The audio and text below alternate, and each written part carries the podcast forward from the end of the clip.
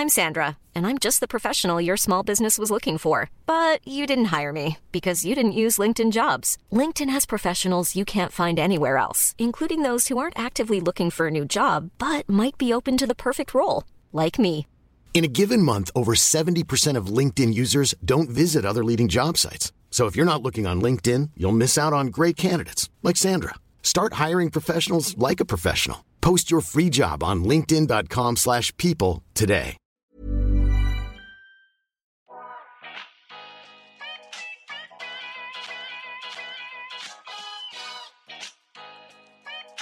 Välkommen till En timme med där jag, Sanja Tegeltia, träffar människor som inspirerar mig, som delar med sig om sina karriärresor, sina motgångar, om självutveckling och hur de har kommit dit de är idag. I dagens avsnitt så träffar jag Dr. Diamantis.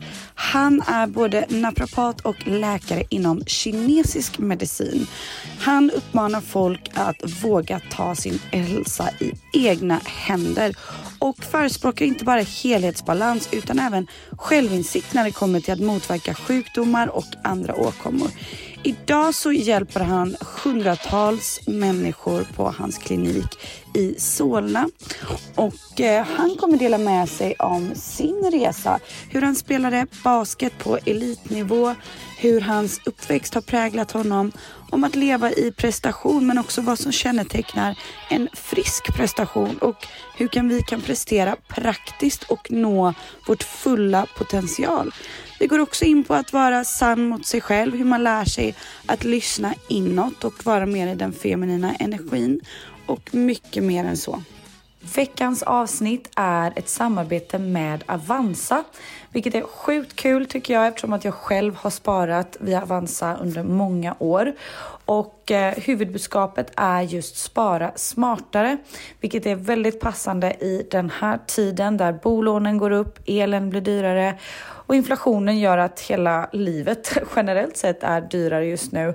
Och eh, det man borde göra då är att faktiskt inte bara jämföra med Bregottpriser och kaffepriser i matbutikerna utan också se över sitt sparande.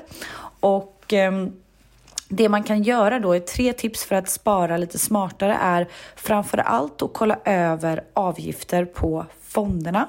Det kan skilja sig otroligt mycket här. Man kan även kolla så att du har fonder i olika branscher, länder och så vidare. Så alltså inte lägga alla ägg i samma korg som man så fint säger. Och framförallt det viktigaste att fortsätta att månadsspara.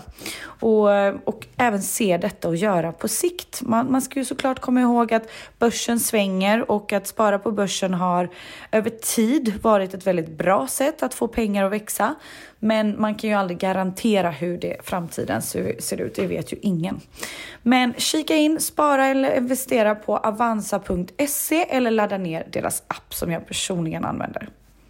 Hej Diamantis! Hej Sanja! Så fint att ha dig med i min podd. Jag har ju längtat efter den här dagen. Ja men alltså det är en stor ära och eh, jag också. Dels för att eh, du ploppade ju in i mitt liv lite oförutsägbart så att säga. Ja, ja det, det, det, är så det, det är så livet är ibland. Ja, exakt. Och, och eh, från första början så ja, men jag, jag, jag såg vart någonstans i din resa du är. Mm. Mm. Och jag kände, igen, ja. jag kände igen mig själv också i det du gått igenom och går igenom. Och eh, jag, eh, jag har ju följt dig länge, jag har ju lyssnat på eh, typ alla podd, poddar du har varit med om, jag har läst din bok nu i höstas och eh, mm kände också som du sa, kände själv igen mig väldigt mycket i din resa och din bakgrund, lite din, din uppväxt ja. eh, och, och, mycket kring, kring det här att eh, men mycket stora frågor, känna att man duger till, vem man egentligen är, vem man gör saker för och sådär. Eh, sedan sökte jag mig till, till, din klinik även i höstas och, och har liksom gått en ännu mer djupgående behandling om man säger via, via dig och din klinik. Så det är sjukt kul att få vara både patient men också ha lyssnat på dig och nu sitta och, och prata med dig. Mm. Vad fint. Tack så mycket återigen. tack själv. Och kan inte du berätta lite vart, vart började din resa? Vart, för, först och främst, var kommer ditt härliga namn ifrån, Diamantis? Det är, eh, tack, eh, det är, det är grekiskt. Så min pappa är från Grekland. Mm. Och vi har en tradition där att man ger då sin pappas namn till sin, sin förstfödda son. Så det är efter min farfar Diamantis. Okej. Okay. Ja. Och du växte upp i Sverige eller växte du upp där i, i Grekland? Nej, jag är född eh, och växte upp här i Västerort i Stockholm, i Tensta-Rinkeby. Också som många från eh, förorten så höll vi på med idrott och mer specifikt var det basket. Drömde du om att bli basketstjärna? Ja, så som alla andra pojkar som tittade på sina idoler på tvn så, så drömde jag det också. Jag, jag tränade väldigt hårt under många år och jag fick även uppleva den, det livet. Så jag spelade, debuterade i basketligan som 16-åring. Och som 19-åring debuterade jag i grekiska basketligan. Så jag fick ett proffskontrakt där efter gymnasiet där vi också spelade i den europeiska ligan. Så jag fick verkligen känna av de stora arenorna och de fullsatta wow. matcherna. Ja. Vad mäktigt. Vad, vad fick dig att liksom säga upp det här och satsa på kinesisk medicin? För att utåt sett låter det som att you had it all. Ja, all but happiness, enjoy. Ja. Så någonstans så, trots att jag var duktig på det, så kände jag att det inte, det fyllde inte mig. Och någonstans så kändes det också väldigt orimligt, just den här elitvärlden och prestation att du är Gud om du vinner och du bör inte gå hemifrån ifall ni förlorar. Och det där lät ju orimligt eftersom jag gjorde ju mitt bästa oavsett resultatet men man lär sig ju, så fort man kommer in i den här kulturen av att det är viktigt att veta, så är det ju, då är ju resultatet det som är det viktigaste. Mm. Oavsett hur bra än du tycker du har presterat, så, så uh, finns det förväntningar. Och speciellt när det börjar uh, komma in pengar i området. Och det är folk som har investerat då, då börjar det bli väldigt komplext. Då blir man helt enkelt en siffra. För man har ju blivit objektifierad från långt tidigare också. Och man har själv objektifierat sig själv så, så man... Eh, vad heter det? You participate. Du, du, medverkar, ja, du deltar i den här spiralen av eh, självbekräftelse, för det är det du söker egentligen bekräftelse att du är tillräcklig. Så någonting inom mig kände att nej, det här är inte rimligt. Så, men det var en tuff period för jag behövde, jag behövde känna efter vad det jag ville göra. Och jag fick så som många andra som jag pratat med, jag fick en identitetskris som är väldigt vanligt hos idrottare efter de lagt av.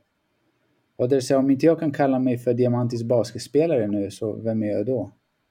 Mm. För tekniskt sett så spelar jag inte längre basket. Nej. och jag minns det faktiskt som igår, hur, för jag kom, i samband med det så kom jag in på naprapatutbildningen. Och jag kände hur egot så här, kastade sig efter identiteten som naprapatstudent. Och det var så här, uff. Det var nära ögat, vi slapp den. Men då, vad heter det, då kan jag förstå, vad gjorde du då? Alltså, vad gjorde du när du fick den här identitetskrisen? Blev du väldigt sökande eller blev du splittrad och nedstämd? Eller liksom vad, vad, jag kan tänka mig att väldigt många som lyssnar känner någonstans igen sig, kanske har varit där eller är där eh, just nu. Ja, det är en väldigt bra fråga för att jag minns hur jag satt i, i vardagsrummet och jag jag tänkte så här, först sa jag mitt namn och sen sa jag titeln. Och jag värderade mig själv efter titeln. Diamantis sjuksköterskan, Diamantis fysioterapeuten, Diamantis naprapaten, Diamantis läkaren. Och vad är det som klaffar bäst? Vad är det jag vill identifiera mig själv med? Så det blev ganska naturligt att det blev naprapat eftersom jag hade varit i kontakt med naprapater tidigare i mitt liv på grund av olika skador jag haft. Mm. Men eh, jag hade ju med mig det i bakhuvudet.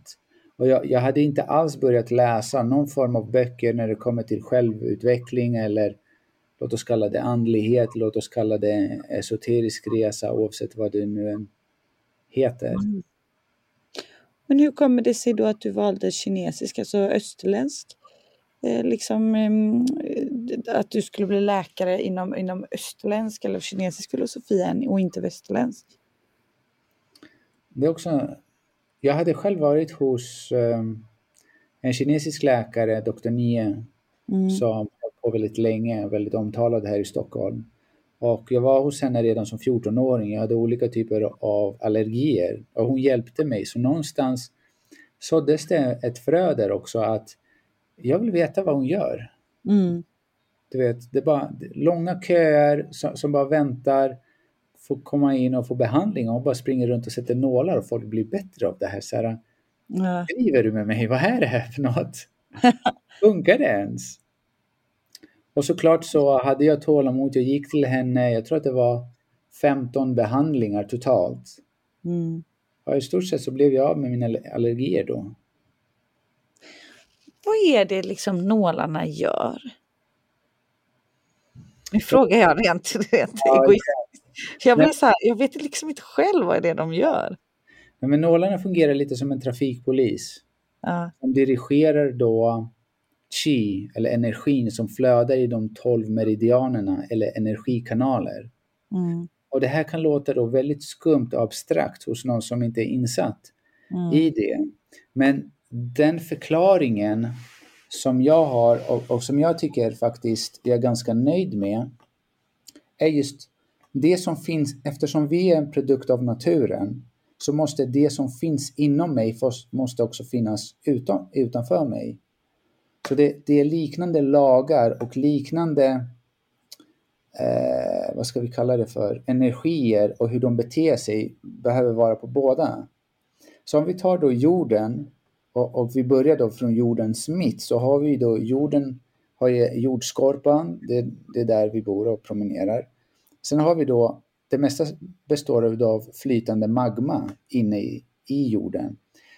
Och den cirkulerar på ett specifikt sätt som gör då att de här äh, tektoniska plattorna rör sig vartefter. Det är därför vi har jordbävningar i specifika områden och inte i andra. Mm. Det har att göra just med den här rörelsen av magman. Okay. Och den är konstant, den är specifik. Om vi ser nu de här sju haven som vi har och till exempel Golfströmmen som vi känner bäst den riktningen av strömmen, den strömmar ju på ett specifikt sätt.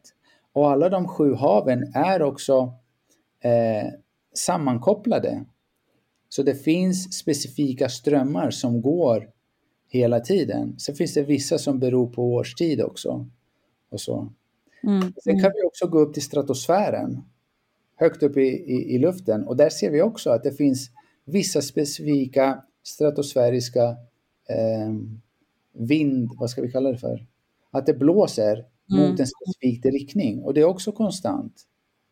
Och då kände jag, okej, okay, om det finns de här tre olika lagen som beter sig på liknande sätt av någonting som cirkulerar åt en viss riktning, då, måste, då är det väldigt, väl, eller det är inte allt för eh, långsökt ifall vi säger också att det finns någonting liknande i kroppen.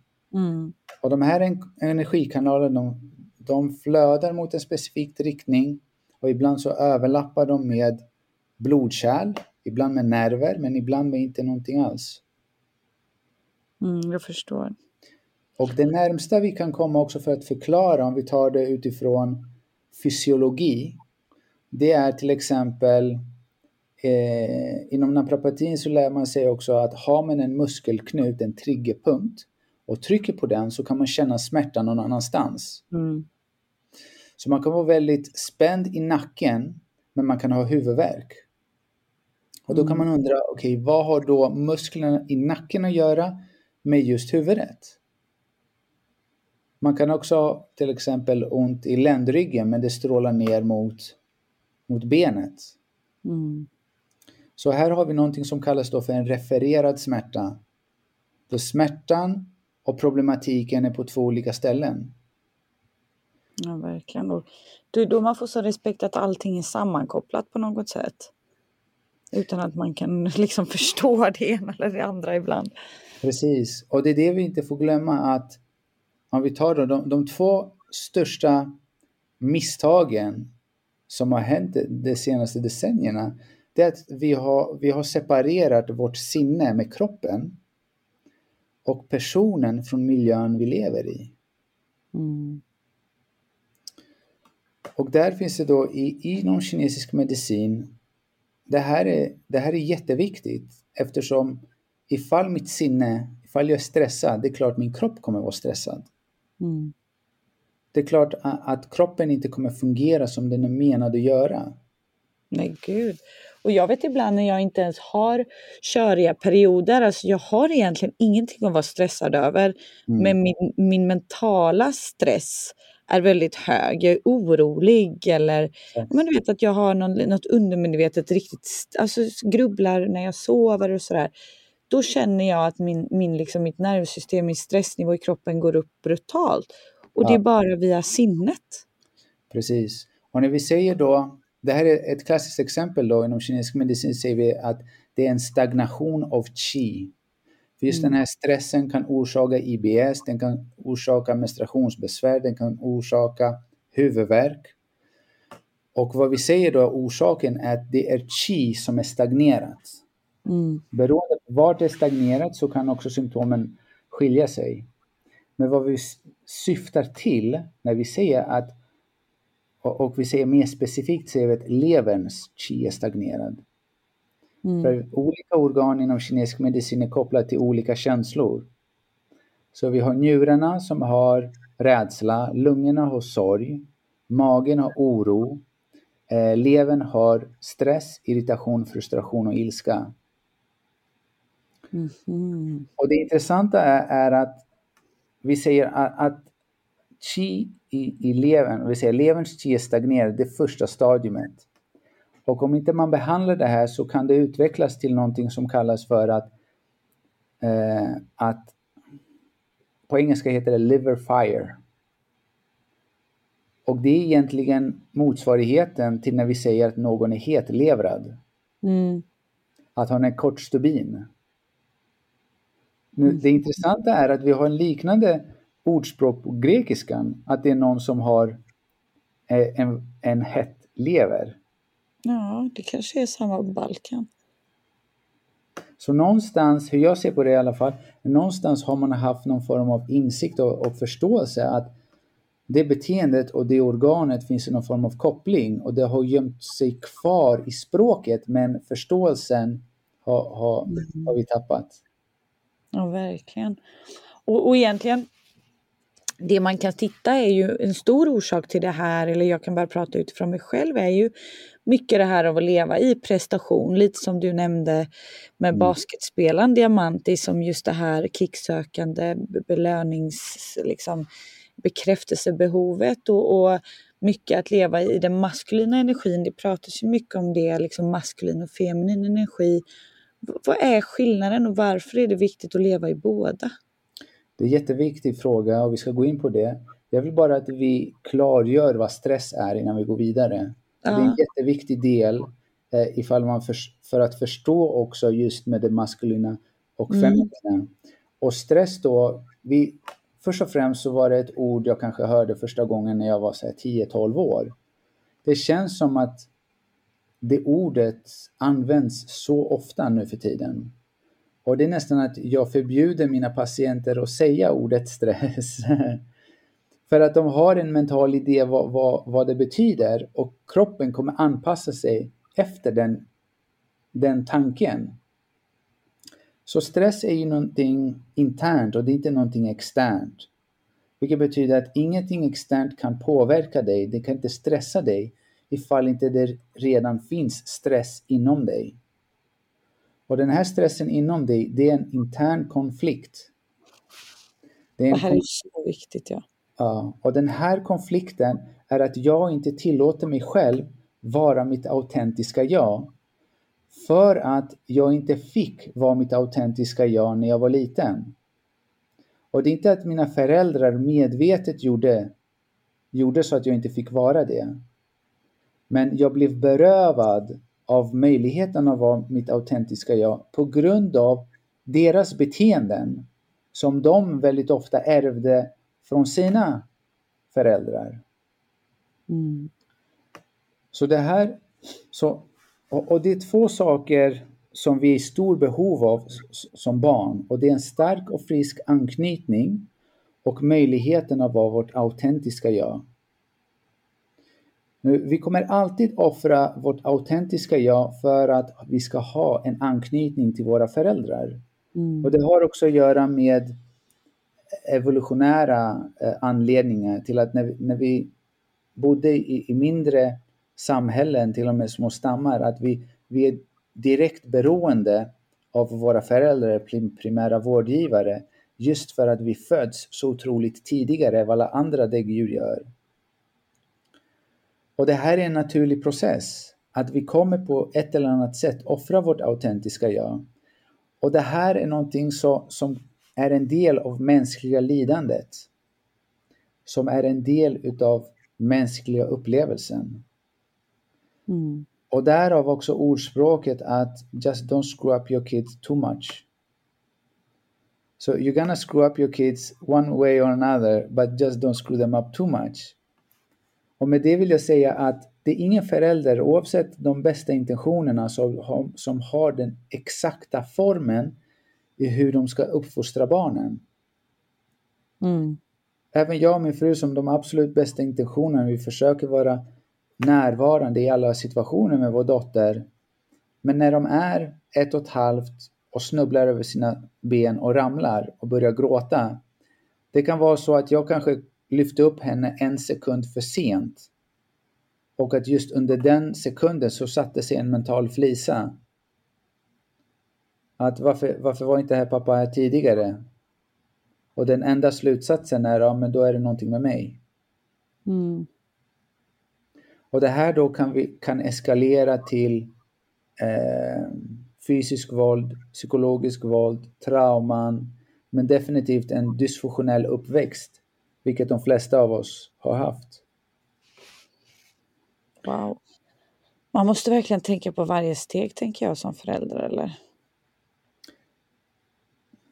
Som förälder skulle jag rekommendera att man först börjar göra sin egna resa för att befria sig själv från sina misstolkningar och ett undermedvetet beteendemönster som kommer stundtals söka sig efter olika typer av flykt. Mm. Oavsett om det är TV, scrollande telefonen, socker, shopping, alkohol, fest, pornografi, you name it, gaming och så vidare. Allt det här är någon form av addiction. Varför tror du vi får det? Så frågan är inte varför, och det här är en fantastisk läkare från, från, från Kanada som pratar om det här. Och han säger så här. The question is not why the addiction, but why the pain. Mm. Så det är den underliggande psykologiska smärtan, misstolkningen att jag inte är tillräcklig, att jag inte är värd, att jag inte är kapabel. Det är den associerad smärtan som vi försöker fly ifrån. För vår subjektiva verklighetsbild blir för komplex och för smärtsam. Och majoriteten vet väl inte ens om att det är det de flyr? Precis. Eftersom mycket av det här också normaliserats. Mm. Jag menar, jag vet bara de gångerna jag feströkt och tyckte att jag är on top of the life. Jag, jag kommer ju bort från något då. Är du med? Ja. Och, och, det är ju det, jag har inte förstått nu när jag är vuxnare eller äldre och liksom tycker att det är otroligt givande att söka inåt och liksom försöka förstå mig själv.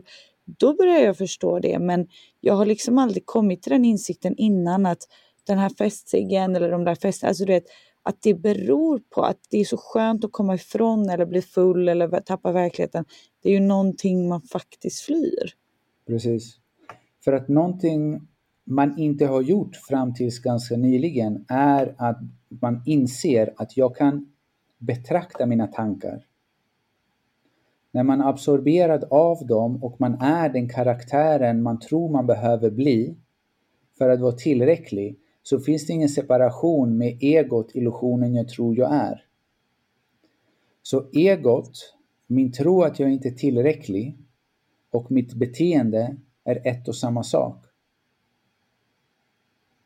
Men det är först när vi börjar få de här äh, psykologiska käftsmällarna utav livet att den efterlängtade upplevelsen av att nå någonstans hierarkiskt i ett företag eller, eller samla upplevelser, pengar, äh, materiella ting, att det inte fyller ett emotionellt svart hål. Det är då vi börjar ifrågasätta, men vänta lite, jag gör ju, jag har ju gjort så som jag blivit tillsagd att det, här är vägen till, till slutdestinationen som är lycka. Mm. Men vi upplever ganska fort att vänta lite, jag har ju varit i det här delmålet, jag har uppnått det, okej, okay, jag blev glad, vi firade, men dagen efter, vad hände? Då var jag tillbaka där, square one. Mm. Och då, jag vaknar upp och så känner jag mig ingenting har förändrats. Oavsett om det finns flera nollor efter den här ettan på mitt bankkonto eller om antal kvadratmeter har ökat i, i lägenheten eller antal hästkrafter i bilen. Det spelar ingen roll. Det är så här, jag är fortfarande tom inom mig. Och sanningen är just att det finns inget emotionellt svart hål. Det är ingenting vi kan fylla. Det är, inget, det är ingenting vi egentligen ska förbättra. För att sen är det väldigt vanligt, Sanja, att man kommer in, okej, okay, då ska jag fixa mig själv, jag ska läka mig själv, jag ska förbättra mig själv. Och det blir också en prestation. Ja, det, jag ler lite för jag känner igen mig. Bara det att du berättade hur man ska uppfostra ett barn så triggades min hjärna igång och bara så här, wow, den dagen jag blir mamma, då kommer jag göra alla rätt för jag ska tänka på det här och det här. Alltså du vet, du hör ju prestationen i att göra rätt blir motsatt. Alltså det blir liksom, det blir en ja. jakt på fel. Det är ju precis som knark fast åt andra hållet liksom. Precis. Och nu kommer vi in då till feminina och maskulina energin. Mm. Och det är inte att någon är, är, dålig eller ond och den andra är god. Det är som yin och yang. Det, nu har vi gjort det väldigt stereotypiskt och säger att den ena är vit och ljus och god och den andra mörk och så vidare. Men det är två, det är två motsatta poler där båda behövs. Det är som natt och dag, båda behövs. Det är som sommar och vinter, båda behövs. Mm. Det är som eld och vatten.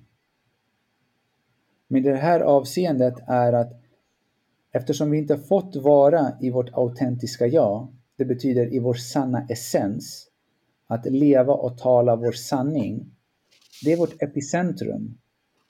Och det, det här epicentrumet, det är kärnan i oss och det är yin. Det är det feminina. Därför vi säger yin och yang. Man kan se det som jorden och, och kärnan i jorden som är yin och det som där ute är yang. Så eh, har man inte fått vara i sitt autentiska jag och, och verkligen upplevt ens sanna natur och inte bara det, kommit till, även till insikt med allt man inte är vilket ofta en, en sån, om vi säger då att det är en resa, ofta så är det så att man börjar från att komma till insikt, allt jag inte är, genom att börja stanna som betraktaren. Att man börjar observera den kritiska och dömande rösten som dag ut och dag in dömer och kritiserar mig själv.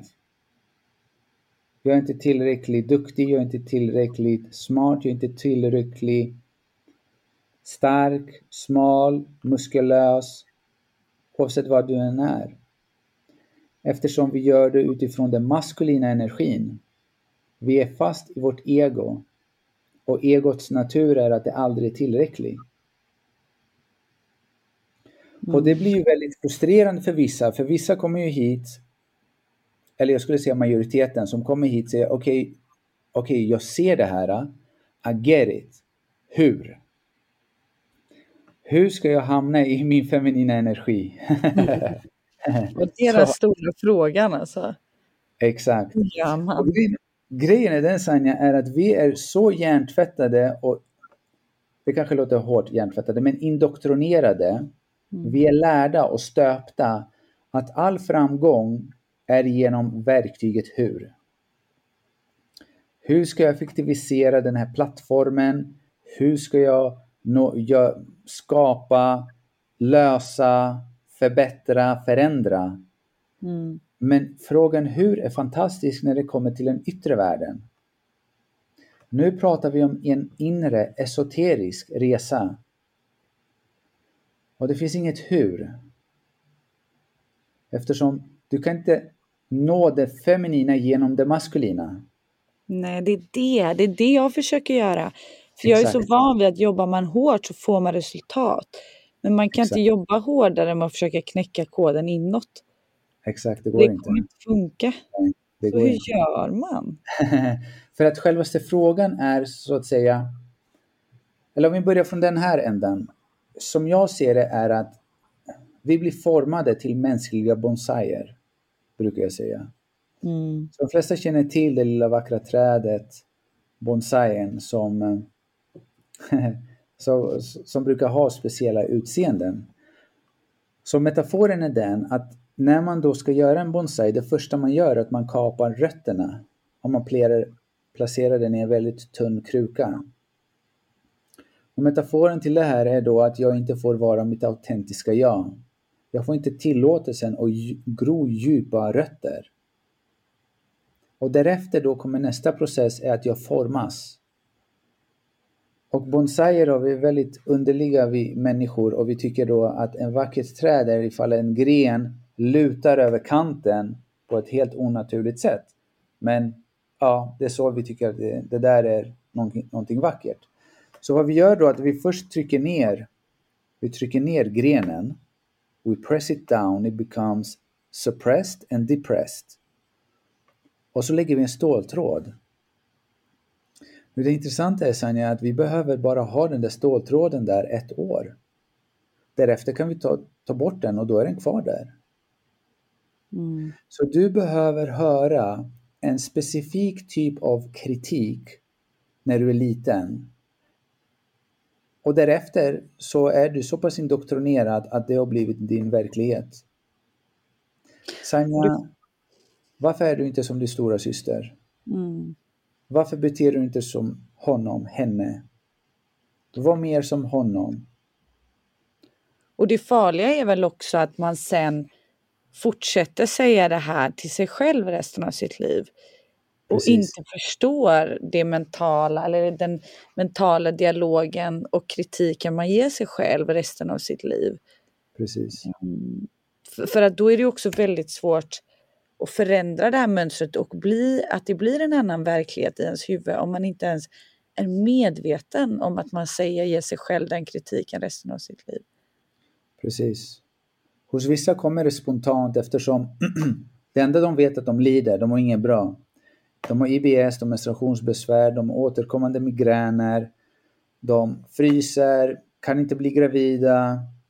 Och allt det här tyvärr skuldsätter individen ännu mera eftersom man går till läkaren, den där man får kanske någonting som lindrar smärtan eller förhindrar en form av fysiologisk funktion och så vidare. Och jag har ingenting emot de typen av verktygen men det det går inte ner till problemet. Nej. Det är symptomlindring. Verkligen. Så för de som vill gå vidare, då börjar de också inse att okej, okay, det är någonting som inte står rätt till. För att eh, den här ångesten och den här periodiska depressionen, du vet, den bara tar koll på mig. Jag vet inte vad jag ska göra och vi försöker då fly. Men om vi börjar se alla de här symptomen som uråldriga budbärare och visdom som pekar mot en plats inom oss som fortfarande inte läkt, börjar vi inse att jag kanske inte lever och talar min sanning. Det mest tragiska Sanja, det är att industrin rider på vågen av otillräcklighet. Exakt. De, det tjänar ju pengar, alltså det tjänas ju otroliga pengar på det här. Att vi mår så dåligt. Precis. För att om det var, skulle vara så att vi alla då kollektivt vaknade en dag, öppnade våra garderober och insåg att vi har tillräckligt mycket med kläder för åtminstone ett, två år framöver. Vad skulle hända med klädindustrin? Mm. Vad skulle hända med bilindustrin ifall vi insåg att det här är bara ett transportmedel? Det här är, det är ingenting annat än bara ta dig från A till B. Men idag så köper du inte ett transportmedel. Du köper en identitet. Mm. Det är mm. samma sak med klockan. Det finns klockor för, för en miljon och det finns redan en klocka i din telefon. Men det sjuka är att vi alla ändå vill uppnå samma sak och det är den här lugnen och ron. Jag vet bara, jag kan utgå från mig själv och mina vänner att vi jobbar som idioter hela året för att sen kunna åka till naturen i Costa Rica och bara checka ut och vara ett med naturen. Känna mm. att jag mår så bra, jag har ingen uppkoppling helst. Jag har liksom fyra plagg alltså, som jag använder on repeat för att det var alltså det, det, ja. det, det, är, det är så motsägelsefullt för vi alla vet att det är det vi strävar efter och det är det vi mår bra av. Mm. Men ändå så, så gör vi ju inte riktigt det. Ja. Men vi har blivit indoktrinerade att just det här är den här typen av livet du behöver leva. Och grejen är att du behöver inte åka till Costa Rica. Du vet, och du behöver egentligen inte lämna Stockholm heller, för det har inte att göra med den yttre miljön. Det är hur du relaterar till den. Ja, exakt. Det, det, hur talar du, rätt in till mig faktiskt. Ja. ja. Och det är därför när vi kommer då till då när vi hamnar i prestation. Hur kan vi göra det långvarigt och hur kan, det, hur kan vi se till att det kommer autentiskt från oss? Så att det inte bry, bryter ner oss. Mm. Så att vi inte hamnar där när vi känner att vi börjar närma oss den där väggen. Ja, för vad kännetecknar liksom frisk prestation? En frisk prestation kommer du kommer aldrig offra din hälsa för någon annan. Mm.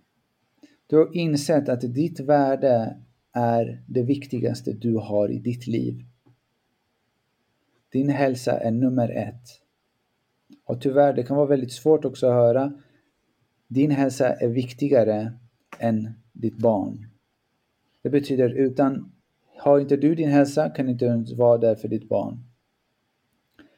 Och när jag säger fokusera på din hälsa, det är inte så att man ska bli självupptagen och, och, och man ska söka sin me-time hela tiden. Det är inte den typen av hälsa. Det är mer att du ska skapa de bästa förutsättningarna för att din kropp ska kunna fungera som den är menat. Men även göra den esoteriska resan i att befria dig själv från psykologisk prestation. Mm. Så att man kan komma till en plats där jag presterar praktiskt och inte psykologiskt. Där, och, och, där kommer då min prestation komma utifrån kärlek i det jag gör och inte från rädslan att misslyckas och inte vara någon.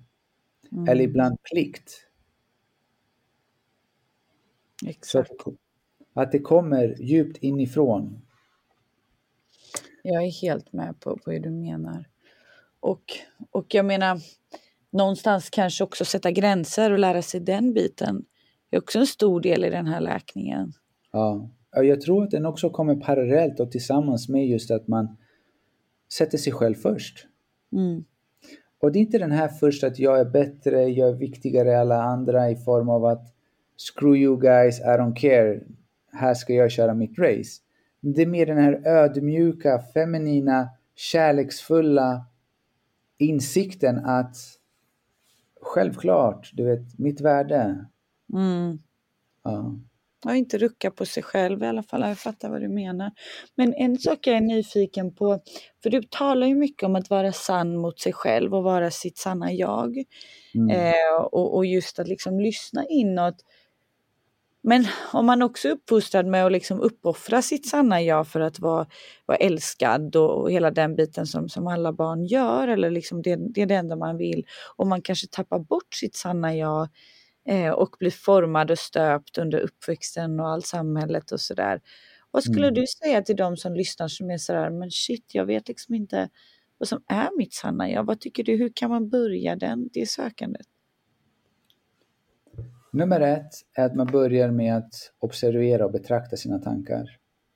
Så vad vi gör då är att vi hamnar i vårt högre jag som betraktar och ser att alla tankarna som kommer förbi är bara något som har att göra med vårt, mitt förflutna.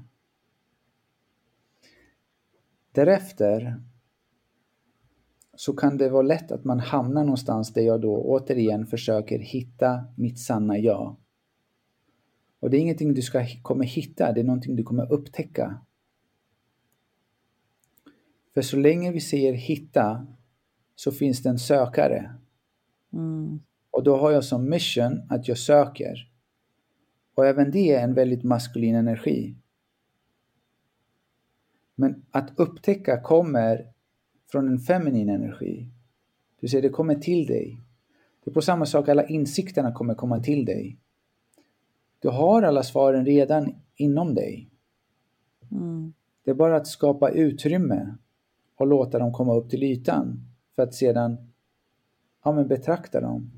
Och det är inte, oftast är det så att man kommer inte ens veta intellektuellt vad min sanning är. Men i livets gång, i den här resan, där man kommer uppleva att det har att göra mer med resan, men även med vem man gör resan med. Mm. Som är mycket viktigare än slutresultatet.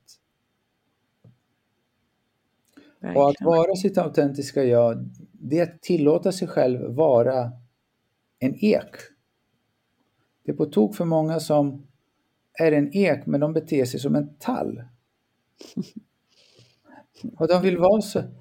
Ja, men, du kan inte vara en tall för du är en ek. Ja, det var en rolig jämförelse alltså. Och så, så frågar man sig själv, okej okay, men hur ska jag vara en ek? Ja Sanja, en ek frågar oss två, hur ska jag vara en ek? Och vi tittar mot den, vad säger vi? Bara vara, eller var nu. Var en ek. Det är ju det. Hur ska... Ja, hur ska du bli det om du är det? Exakt. Nej, jag förstår poängen. Men eh, jag skulle också vilja lite sådär avslutningsvis, för det finns ju otroligt många spännande områden du alltid pratar om och går in på sådär och så har jag ändå försökt tratta ner det till lite sådär vad, vad, typ, så det passar lyssnarna. Men någonting jag tycker är liksom helt jäkla sjukt att folk inte är medvetna om hur illa socker är för våran kropp. Alltså, tänker vi ändå berör det, för många som kommer till dig har eh, hormonell obalans, eh, mm. inklusive mig själv har haft det i perioder. Och, och du sa till mig liksom så här, men du lägg ner socker och lägg ner alkohol. Varför då? Hur illa är det? Först måste, behöver vi inse att, att de har ingen näringsvärde och de bara gör oss illa, det bara skadar. Men det tror jag folk vet, men hur illa är det? Det beror på, du vet. Är, håller du en frisk livsstil, låt oss säga att ja, men du har kommit till insikt med, med vad som tilltalar dig och ditt syfte och en högre mening i ditt liv och, och du äter bra och du tränar dag ut och dag, eller du tränar varje dag, du vet, du bara living life och det är så här ah, hakuna matata, det finns ingen stress i dig. Och varje fredag så äter du en chokladbit. Det är så här, ah, slå dig själv inte på fingrarna heller. Man måste se det utifrån ett högre och mer holistiskt perspektiv. Mm. Så, så, så, under sådana omständigheter, det är så här, men så länge inte chokladen har makt över dig. Mm. Du, säger, du ser en Marabou-choklad och den bara skriker och du bara kan inte stå emot och ta upp den. Eller om det är alkohol eller om det är telefonen, att det plingar. Och säger yes master. Mm. I'm here for you. Ja. Men att det är vi. Don't let them use you. Use them. Mm, mm. Det är det. Med på hur du menar. Och ja. att man kanske liksom alltså, väljer ett av de grejerna och inte allt. Alltså så att man ändå bara fuck it, nu har jag ändå druckit eh, lite vin ikväll, kan lika bra. Alltså, det känns också som att det går hand i hand, att man bara nu är det ändå lite fördärv, nu kan jag lika bra. ja, för, för, vad man, vad man vill åstadkomma, du ser, har man inga besvär, hälsan är bra och du vet att du vill ta ett halvt glas vin, det är så här, och du njuter av det. Mm. Det, det, är helt okej, okay. det finns inga problem med det. För det var någon som lyssnade på dig Framgångspodden, en polare, vi satt och pratade i helgen och så sa jag det, men jag, ska, jag brukar gå till Diamantis, jag ska ha med honom i min podd. De bara, fan jag hörde det om socker, men alltså Tror du att Diamantis aldrig äter socker? så sa jag det, vet du vad jag ska fråga? hur, hur, lever du? Alltså, är det okej? Okay? Det är därför jag vill någonstans komma. Det är bra att du säger att man ska vara mänsklig också. Ja. För att det får inte heller bli en jakt på perfektion, men man ska också inse att det är riktigt dåligt för en. Så det är... ja. Jag kan säga så här, och tack för frågan och, och tack också din vän. Jag var sängliggande för ungefär tre och ett halvt år sedan. Jag var sängliggande ett halvår. Jag har mått jätte, jättedåligt. Jag, jag, jag minns hur jag även fick tanken att jag kanske inte klar, jag kommer inte klara det här. Den här kalla rysningen längs ryggraden. Och det låg jag bredvid min gravida fru. Vi hade det jättetufft. Jag hade kommit tillbaka från Kina. Vi var på minus ekonomiskt. Alla ut, jag studerat tio år och all, båda utbildningarna kostade. Så jag belånade upp till taket. Bodde hos min mamma i typ källaren som vi hade gjort om till, till ett rum. Och, och man blir väldigt ödmjuk till livet. Så här, för att man ska om någon sa till mig då, Diamantis du behöver äta rå lever och vitlök i resten av ditt liv för att du ska bli bra. Det är så här, fine, I do it. I do whatever. Jag hade hamnat så lågt. Jag var så sjuk, mådde så dåligt. Att alla de här flyktvägarna, det spelar ingen roll. I couldn't care less. Och sen har det på något sätt, det har följt med mig. Jag har inget intresse alls. För mm. att jag också insett hur skör vår hälsa är.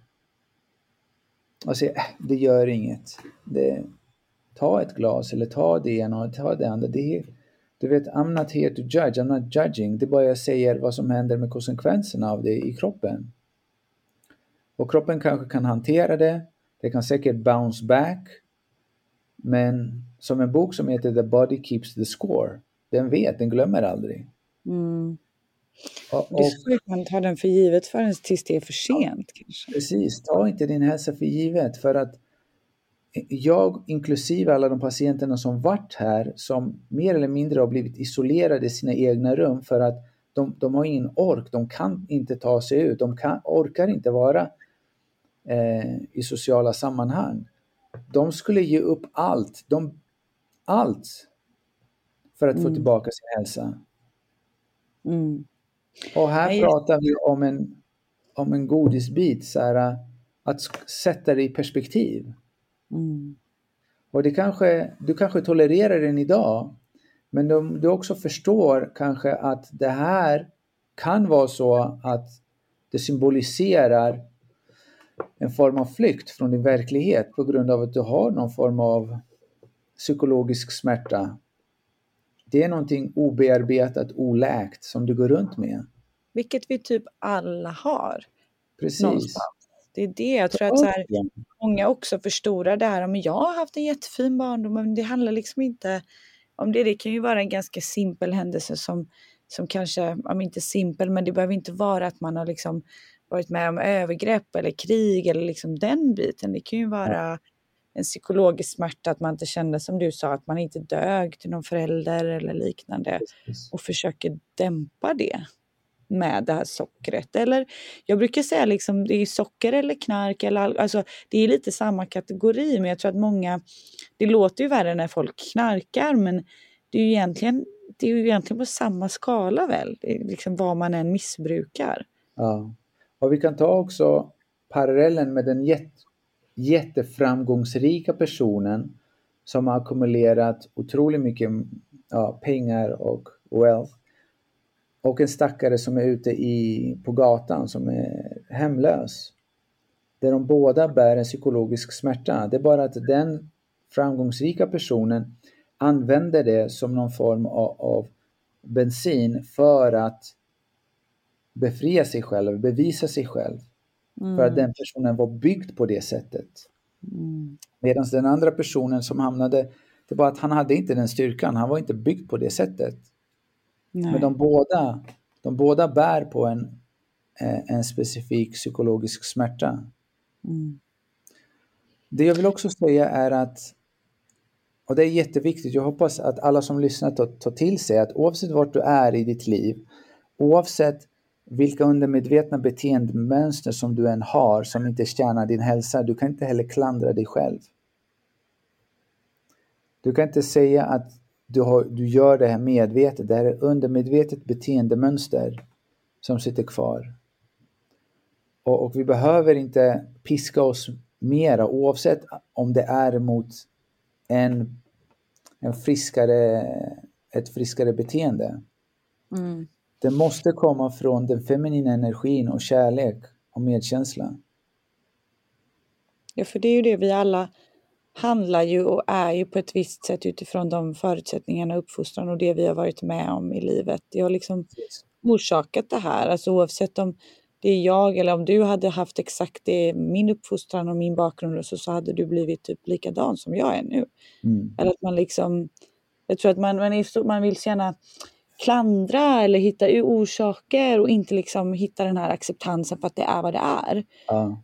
Um, och, och, kan nästan typ, inklusive mig själv, fastna i varför vissa saker hände eller varför jag liksom tolkade vissa saker. Men det är så här, att the end of the day, det har redan hänt och jag har tolkat det jag har tolkat. Så att det, är så här, det är också otroligt energibefriande när man typ bara accepterar det. Precis. Första steget är att acceptera eller komma till insikt, acceptera. Men sen också skapa en distans till det genom att inse att jag inte är mitt förflutna. Det mm. förflutna definierar inte vem jag är. Mm. Men sen komma också till insikt. För väldigt många som kommer hit, de har absolut ingen aning vilken komposition av energier de är.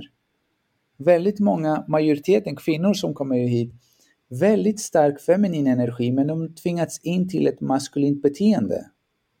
Mm. Och om vi ser att det finns ett stort spektrum mellan personer med feminin och maskulin energi, då är då generellt sett kvinnor mer starkare feminin energi än männen. Men sen finns det också väldigt många män som har väldigt stark feminin energi och det är inklusive mig. Och det var en insikt som jag hade att jag förstod att jag var inte byggd som ja, men den, den ena spektrumet av yang-energi, av maskulin energi där de kan faktiskt ha tio startups på sitt huvud. De kan komma från jättetaskiga omständigheter, ha tio startups, ha fyra barn och det så här, de, de bryts inte ner, de bara är lokomotiv, de bara kör framåt. Mm, mm. Jag, kallar dem lite för, jag kallar dem för granater, de är väldigt, de är specifik kroppstyp. och, och de bara kör på. Mm. Men nu vad som har hänt Sanja är att alla tittar ju mot den lilla delen i spektrumet och säger det där är framgång, är det så här ni behöver vara för att ni ska vara tillräckliga? Och få priser och, och pressklipp och tidningsomslag. Och det är ju verkligen det som porträtteras som, som framgång. Ja. Men sen har du Lisa i andra sidan spektrumet. Hon brände ut sig andra terminen på juristutbildningen. För hon var inte alls byggd så. Egentligen, det var inte ens hon som valde att plugga till jurist, det var hennes ja, pappa. Mm. Nej, jag är helt med på. Det, det, är så många som är så missförstådda och missförstått sig själva. Mm. Och um, vad heter det, nu har vi en, vart, vart, om man är nyfiken på dig nu i efterhand så har ju du otroligt många kanaler man kan, man, man kan nå dig på så. Men, men vad skulle du säga är, är liksom lättast att få, få hum om vad du gör och dina tips och råd? Det, man kan väl säga att det är boken, framförallt snart böckerna. Precis. Boken eh, har funnits ute ett år, det är Nyckeln till din hälsa. Mer eller mindre, jag går igenom det jag pratade idag i detalj och mycket, mycket mera. För att du själv ska börja göra den här inre esoteriska resan. Och bok nummer två, den kom faktiskt in nu här till kliniken. jag bar in 973 kilo böcker faktiskt. Oj, wow. och den är skriven just för kvinnor och kvinnohälsa heter Hormonell harmoni, den holistiska vägen till kvinnohälsa. Och den är just skriven, inte bara för att visa er hur utifrån ett kinesiskt medicinskt synsätt vad är det som händer när man är för mycket i den maskulina energin och hur det här uttrycker sig i olika typer av symptom. Men jag lämnar också en stor del för att påminna dig själv om din storhet, om hur vacker du är, om den styrkan du är född med. Och inte den här maskulina styrkan att du ska bevisa, men det är mer en form av kraft. Ifall du verkligen tillåter dig själv att landa i din feminina epicentrum. Det är ingen, det är ingen som kan flytta på dig. Du, du är så jordad och så ett med din sanning att det spelar ingen roll hur mycket den blåser och vad som händer på ytan. Längst ner är det alltid stilla, du är alltid i harmoni. Mm. Sen kan du, du kan navigera upp till det maskulina och, och vara där ifall det behövs, men definitivt komma ner igen. Och det är därför det är så viktigt med de här äh, andningsövningar som jag rekommenderar att man gör varje morgon. Att man andas fem minuter regelbundet, djupt, rytmiskt med diafragman och sedan sitter i psykologiska tystnad, återigen bara fem minuter. Just för att skapa en distans till tankar, känslor, minnen och inse att jag är betraktaren. Jag är det här närvarande medvetandet som ser och betraktar allting komma och gå. Och det försöker jag också förmedla genom min Instagram-kanal som är Dr. Diamantis och där har du bra handfasta tips och bra quotes och sådär som man, om man vill ha det lite lättillgängligt också. Precis, så min önskan är egentligen att var och en ska ta sin hälsa i sina egna händer. Skapa, komma till insikter, skapa förutsättningar oavsett om det är den fysiska kosten, mentala kosten, träning, rutiner och så vidare. Och, och skapa förutsättningar för att kroppen ska läka sig själv. Mm. För någonstans har vi också tappat bort tilliten till att kroppen kan läka sig själv. Och folk blir förvånade, det är helt plötsligt att menstruationen är normal eller hon blev gravid trots att hon hade fem misslyckade IVF tidigare. Eller det här eksemet hon hade nio år. Eller en autoimmun sjukdom där um, alopecia, vitiligo. Det spelar mm. Alltså folk blir bättre. Det är inte att jag botar. Det är att jag hjälper skapa förutsättningarna för att kroppen läker sig själv. Mm. Ja, verkligen. Det, det, är en så bra poäng. Våga ja. lita på sin inre läkning. Och det, ja, det, det är verkligen så som du säger. Jag själv försöker påminna mig om det. Och ju mer man bara är och liksom, som du säger till mig, vad är din sanning och bara vara att inte överanalysera det heller, för det blir också helt knäppt om man liksom överanalyserar, mäter varje steg eller jag gör ju alla rätt. Det blir så här, det blir helt Exakt. kaos. Exakt, det är just det här med, med de här äh, klockorna som mäter pulsen, auraringen som mäter sömnen. Det finns en mätare för blodsockret, vi mäter temperaturen för ägglossningen. Alla de här teknologierna har sin tid och plats, men det är en form av maskulin energi för att du behöver någonting som ska se hur du mår. Mm. Så jag brukar säga väldigt många som är uppe i sitt sinne och tänker, övertänker och överanalyserar och tappat bort tilliten och att känna inåt, så jag tar bort allt det där. Mm. Du behöver börja raffinera dig själv ner till den punkten att du kan känna.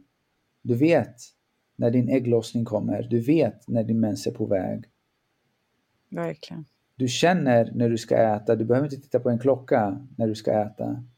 Du vet när du, ska, när du ska säga nej till dina väninnor och stanna hemma och sova en timme extra. Mm. Du vet ja. när du ska gå och lyfta tungt. Mm. Ja, du har så rätt. Ja.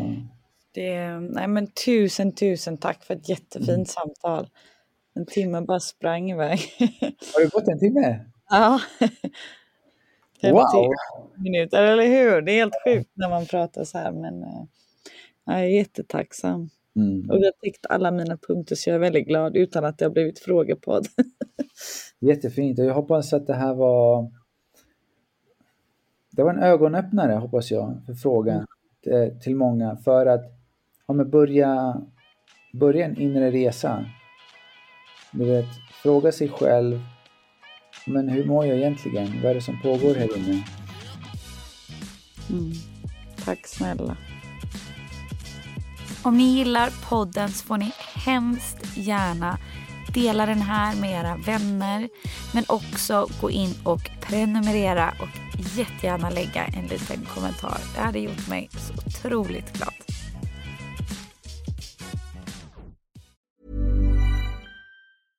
Mom deserves the best and there's no better place to shop for Mother's Day than Whole Foods Market. They're your destination for unbeatable savings, from premium gifts to show-stopping flowers and irresistible desserts. Start by saving 33% with Prime on all body care and candles. Then get a 15-stem bunch of tulips for just $9.99 each with Prime. Round out Mom's menu with festive rosé, irresistible berry chantilly cake, and more special treats. Come celebrate Mother's Day at Whole Foods Market. Planning for your next trip?